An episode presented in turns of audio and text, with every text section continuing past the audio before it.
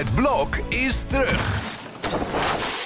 Vier koppels, vier bouwvallen, vier verbouwingen en dus een hele hoop stress. Het blok, iedere werkdag om half negen bij net vijf.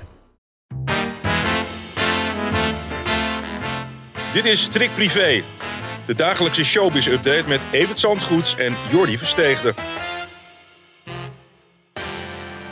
Het was een uh, emotionele televisieavond gisteren voor de SBS-kijkers. En dan uh, met name voor de fans van Massa is Kassa. Want ja, er is eigenlijk afscheid genomen van Nicoleke. Het, Stilzwijgend, ja. hè? Ja, ja, dat ja, was het dan. want er werd geen woord aan vuil gemaakt. Omdat ze natuurlijk toen dat opgenomen werd ook nog niet wisten dat het nu echt over en uit zou zijn. Terwijl de verhalen gaan dat het toch al... Ja, Nicoleke die was al lang op zoek naar wat anders. Oh. Hè? Dat is wel duidelijk. Die heeft zoveel mannen zitten benaderen achter de dikke rug van Peter om. dat, uh, dat, dat, dat gaan we morgen allemaal in het blad onthullen. Oh, dat is spannend. Ja, morgen is het natuurlijk privé-day. Maar ze kochten dus gisteren wel nog een peperdure camper van bijna een half miljoen. Nou, ik heb net nog even gesproken met Peter. Hij zegt, ja, die houd ik gewoon. Maar ik ga wel een vriendin uitzoeken die past bij die camper. In die camper. ja, en ze hebben natuurlijk nog dat kasteel, hè? Ja, in, maar dat België. zag ik vorige week nog eventjes Ja. voorbij komen. Er werd een klok in de, in, in, in, in, in de toren gehesen. En Peter wilde die laten stemmen. Ja, daar is er weinig van begrepen. Klokken stemmen doe je natuurlijk als je er acht hebt. Dat je die op elkaar afstemt. Ja. Maar één klok hoef je niet te stemmen. Dat is gewoon, je trekt aan dat koord en dan hoor je bing, bong. En dat is het. Maar dat had hij nog niet begrepen. Nu zijn er ook allerlei geruchten dat hij dan de ouders van Nicoleke ook niet echt heel goed wil achterlaten. Want Ja. hij heeft natuurlijk in, in Spanje een huis gekocht voor die ouders van Ja. Nicole. Maar daarvan zegt hij nee, dat zit niet in mij om die ouders slecht achter te laten. Zij mogen dat huis daar gewoon behouden. Dus Oh. nou, dat is dan wel weer netjes, toch? Dus dat valt dan weer mee. Maar ja, het is jouw vriend, hè? Ja, nou ja, vrienden, ik heb af en toe goed contact met hem. Nou, in het kader van hoor en wederhoor. Jazeker. Nou ja, iets anders serieus dan. Gaan we zo Heel meteen... zinvol bij Gilles. Code rood is het Ja. Ja, precies. Gert Verhulst. Nou ja, gisteren hadden we het nog over hem in het kader van André van Duin. Gert Die musical, ja, Ja. gaat hij niet doen. André gaat niet elke dag naar Barneveld. Dat Oh. had ik ook niet verwacht. Nee. Niet elke keer die A1 oh, Nee. nee.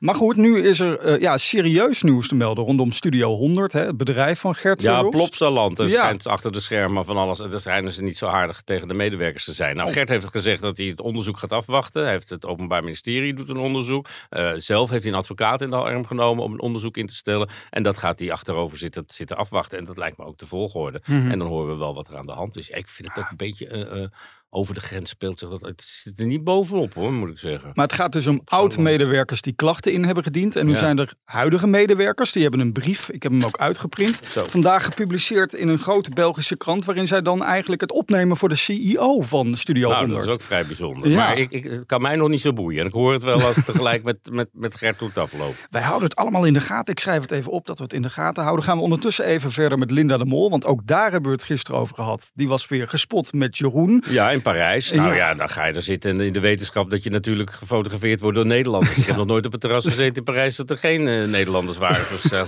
zei. En eh, dat, dat hebben ze op de koop toegenomen. En Ja. ja, iedereen staat daarover eh, op zijn achterste benen. Tenminste, Mhm. veel mensen. En ik denk van ja, Linda, oud en wijs genoeg. Mhm.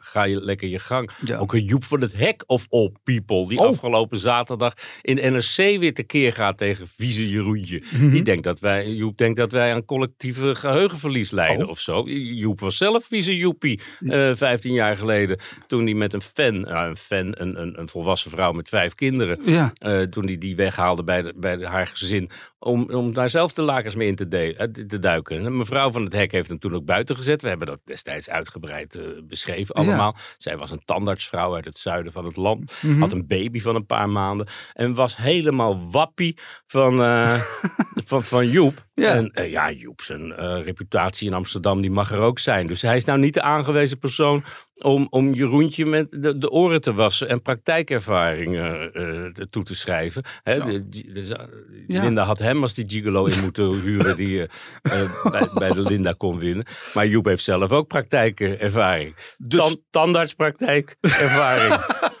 ja, het hek is van de dam. zo. Ehm, we moeten het nog heel even hebben ook. Ik heb eh, met de, ja, de advocaat van de slachtoffers gesproken. Hè, waaronder de advocaat van het slachtoffer, mogelijk moet ik zeggen, van Jeroen. Die zegt, Ja. nou ja, eh, Linda moet allemaal zelf weten. Maar de, eh, ja, zijn cliënten vinden het ja, niet echt te Er zijn begrijpen. het nog cliënten, want ik begreep dat er nog maar één zaak over is. En Van Nienke, hè, geloof ik. Dijkstra, hè. ja. En, en ja, dus ik, ik, ik weet niet waar die mee, mee komt. En Mm. de soep wordt vooralsnog niet zo heet gegeten als die vorig jaar januari werd opgediend, volgens mij. Want ik Ja. begrijp ook dat de zaak van Marco Borsato, die natuurlijk in eerste instantie helemaal niet genoemd werd in Booster, met de haren bijgesleept wordt om hem ook maar aan die, aan die voice te linken. Maar dat schijnt ook met een incidentje te zijn van een hand op een bil. En misschien was dat wel Marco. Dus we gaan het Hmm. nog wel horen. Volgens mij zit er wel schot in. En is er één deze dagen nieuws vanuit het Openbaar Ministerie. De, de, je, je, je ziet daar eh, wat beweging eh, op dit moment. Eindelijk.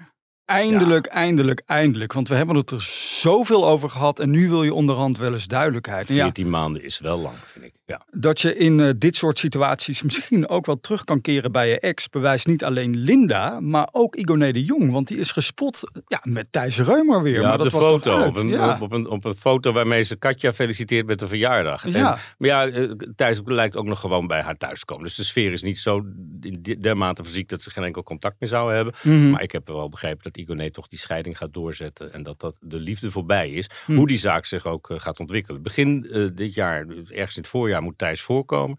Vanwege die eh, grensoverschrijdend gedrag Mhm. richting eh, minderjarige kinderen.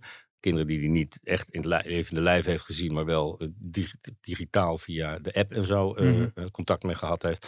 En ja, hoe dat gaat aflopen, dat gaan we horen. Overigens komt er een lijvig boekwerk uit over de familie Reumer Oh. dit voorjaar. En dat is geschreven door Bart Reumer, een van de zonen van Pieter Reumer. Mhm. En die gaat alle verhalen, alle, alle familiegeheimen uit de doeken doen. Dus ook geheimen die hiermee te maken hebben met deze situatie. Nou, dat denk ik niet. Ik denk dat het vooral gaat over eh, de, de, de familie eh, tot, tot Ja. dat moment ongeveer. Dat het Ja. echt gaat over opa Piet en die zonen en die ooms van hem en eh, broers.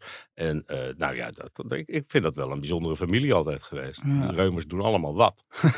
Ja, tot slot nog heel even naar een breuk die we eigenlijk niet zagen aankomen. die tussen Margarita en Challing. Ja. Dat is toch wel opvallend. Dat heeft niemand zien aankomen. Dat speelt zich ook allemaal af in dat oranje reservaat daar bij Wassenaar. Achter, de, achter de hekken van de Horsten. En eh, ja, ik vond het ook wel verbazingwekkend, moet ik zeggen. We hebben het morgen uitgebreid in het blad natuurlijk. Hm. En eh, ja, ik, eh, het is voor haar de tweede keer dat ze gaat scheiden. En ik denk dat de eerste echtgenoot iets te spraakmakend was. Edwin de de Roy van Zuiderwijn. Tweede misschien iets te saai. Dus Hmm. ja. Nou, Morgen dan meer over, want dan is het weer privé Ja. day. Nou, ik kijk er nu al naar uit. Om 12 uur is er dan weer een nieuwe podcast. tot dan.